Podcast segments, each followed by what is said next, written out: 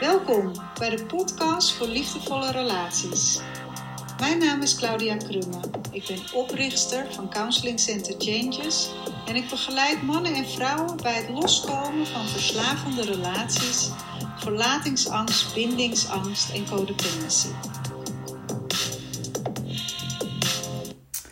Welkom, goedemorgen op deze zondagochtend bij mijn uh, wekelijkse podcast over gezonde relaties, verslavende relaties, codependency en alles wat daarbij hoort.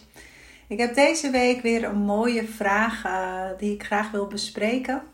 En de, deze week uh, is het de vraag van Stephanie.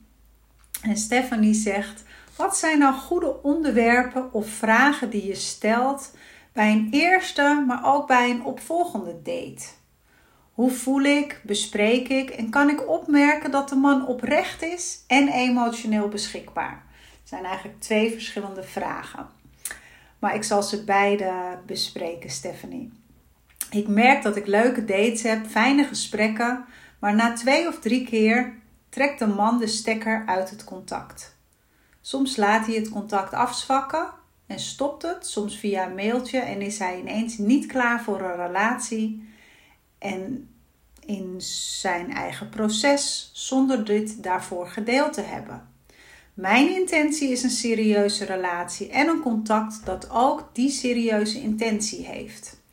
Nou, ik ga even beginnen bij het eerste gedeelte van je vraag. wat zijn goede onderwerpen, vragen die je stelt bij een eerste en een opvolgende date?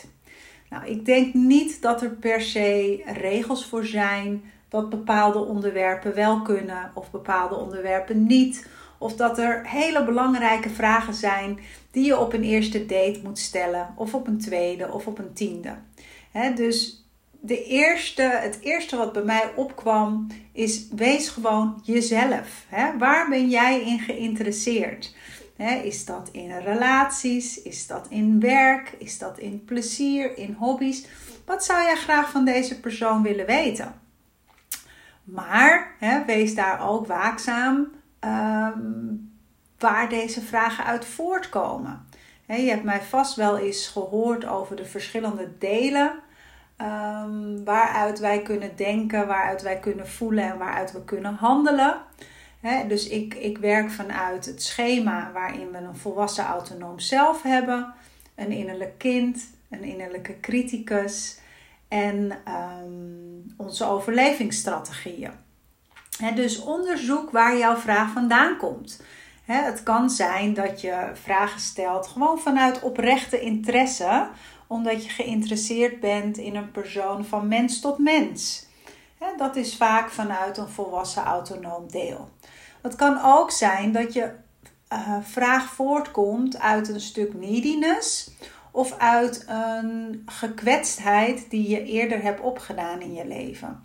dus dat je de vraag stelt om eigenlijk te willen voorkomen dat je opnieuw gekwetst wordt. Um, dus dan komt het vanuit een kindbewustzijn en niet vanuit je volwassen deel. en natuurlijk mag je um, waakzaam zijn. Dat is niet waar het om gaat.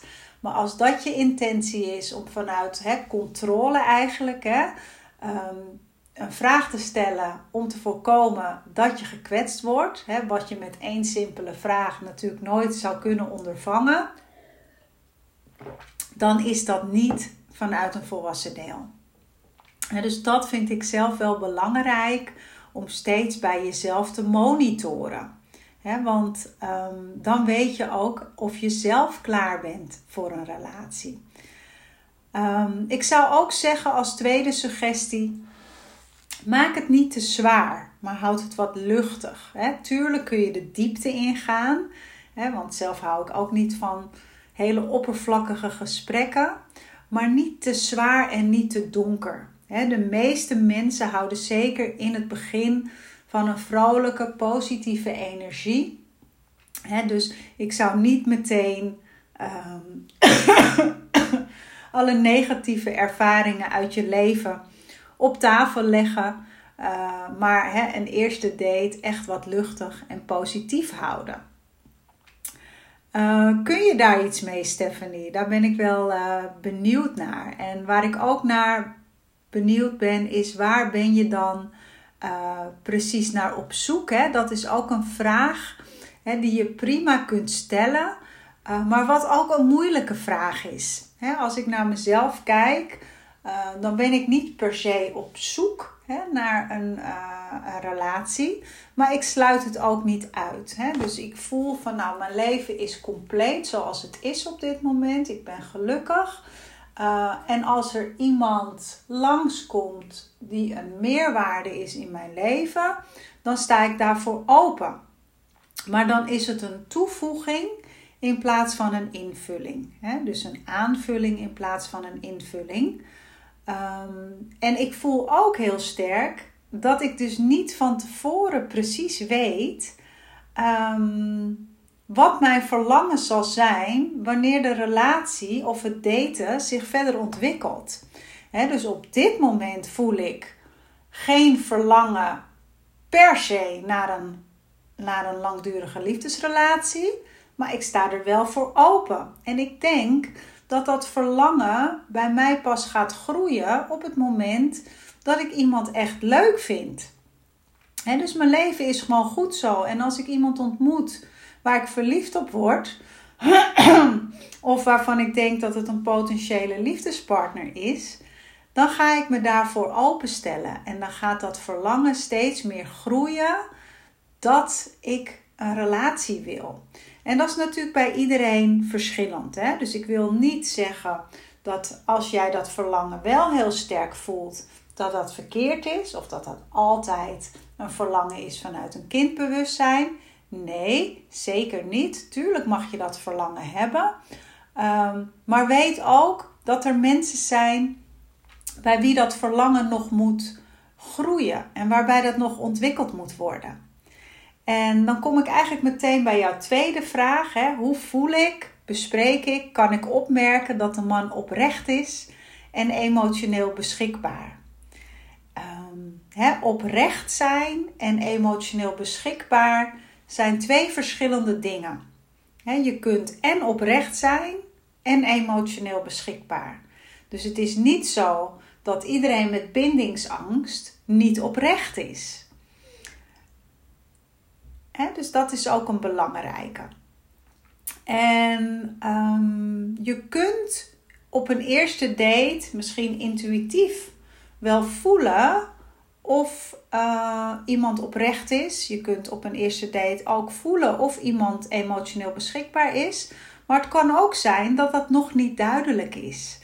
dus daar is geen eenduidig antwoord op te geven. Uh, maar dat zal je moeten onderzoeken gaandeweg het proces. Natuurlijk zijn er wel een aantal graadmeters en een aantal alarmbellen die je kunt horen luiden. Eh, als er bepaald gedrag uh, vertoond wordt. En um, ik wil wel even uit mijn boek, pagina 24 in het boek van Leed naar Liefde, daar heb ik het over de 10 belangrijkste kenmerken waaraan je kunt herkennen of iemand emotioneel beschikbaar is. En het eerste kenmerk is je spreekt je weinig tot nooit uit over je gevoelens en je vraagt een ander niet hoe die zich voelt of hoe zijn dag was.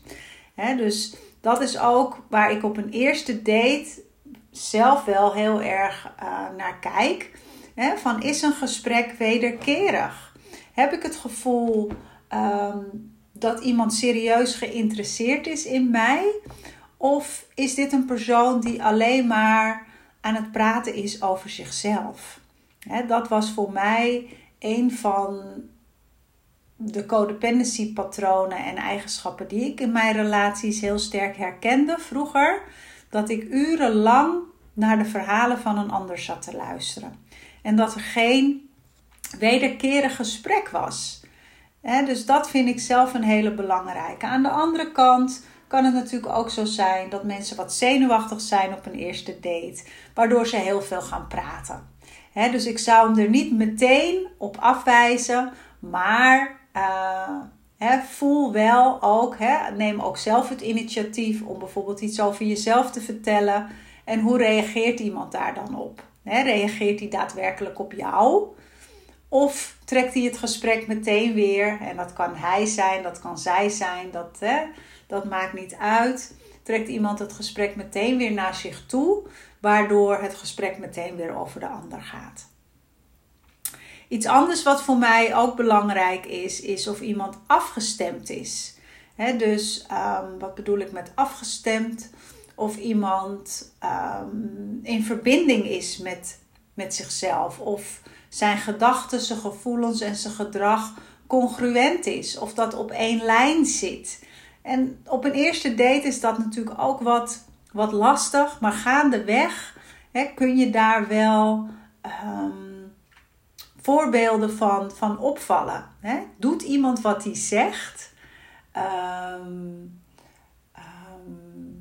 dat, dat is eigenlijk waar het over gaat. Congruent zijn gaat over gedachten, gevoelens en gedragingen liggen op één lijn. dus doet iemand wat hij zegt. En ehm, ja, dat is een hele belangrijke voor mij. En is iemand ook echt aanwezig? of zit iemand de hele tijd op zijn telefoon? Of is hij op een andere manier niet aanwezig bij jou? En dus dat, zijn een paar indicatoren die jou kunnen helpen om te voelen of iemand emotioneel beschikbaar is.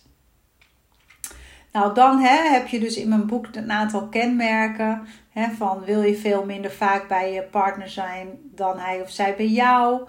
Uh, ben je bang dat de relatie te veel van je zal eisen? Dat je je onafhankelijkheid en autonomie moet opgeven als je een relatie aangaat? dus dat is allemaal voor een wat verder stadium. Houd je ervan om je opties open te houden voor het geval er wat beter langskomt. Kun je slecht tegen stiltes, omdat die met je, je met je gevoelens confronteren.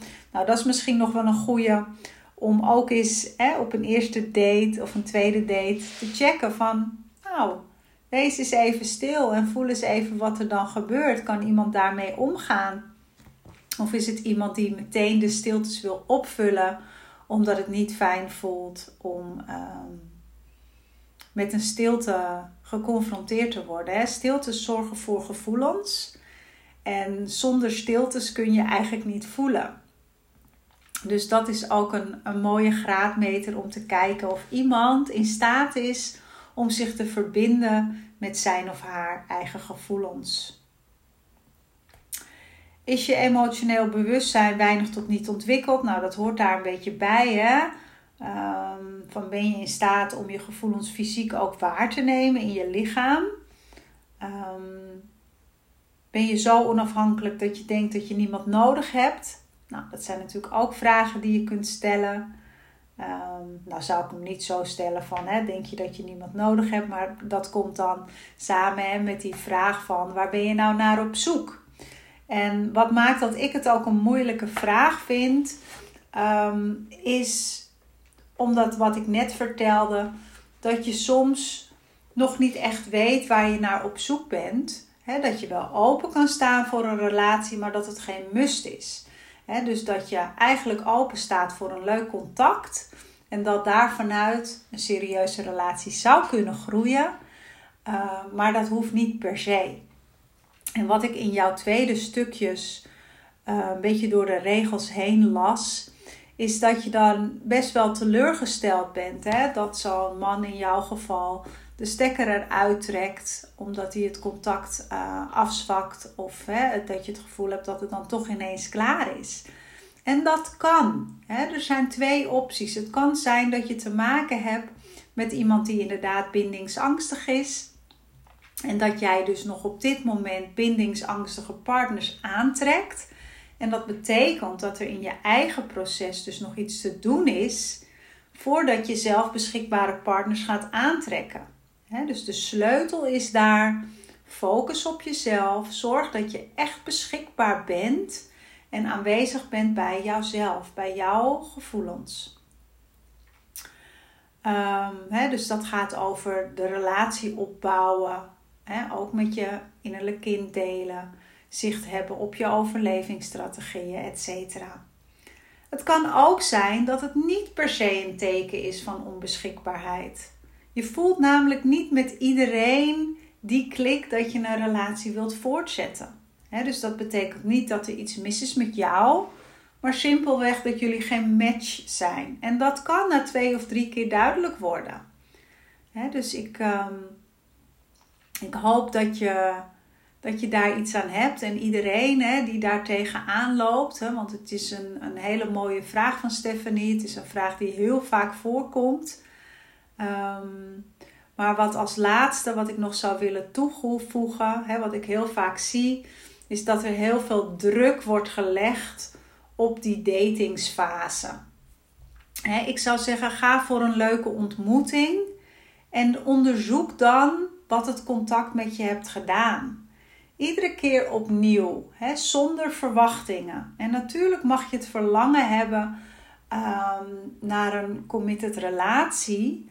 Maar ga in eerste instantie voor die leuke ontmoeting en leg geen druk bij de ander, uh, zodat hij ook nog met een open view kan onderzoeken wat er is tussen jullie. dus hou dat hoofd ertussen uit, want dat kan een heleboel ja, verpesten.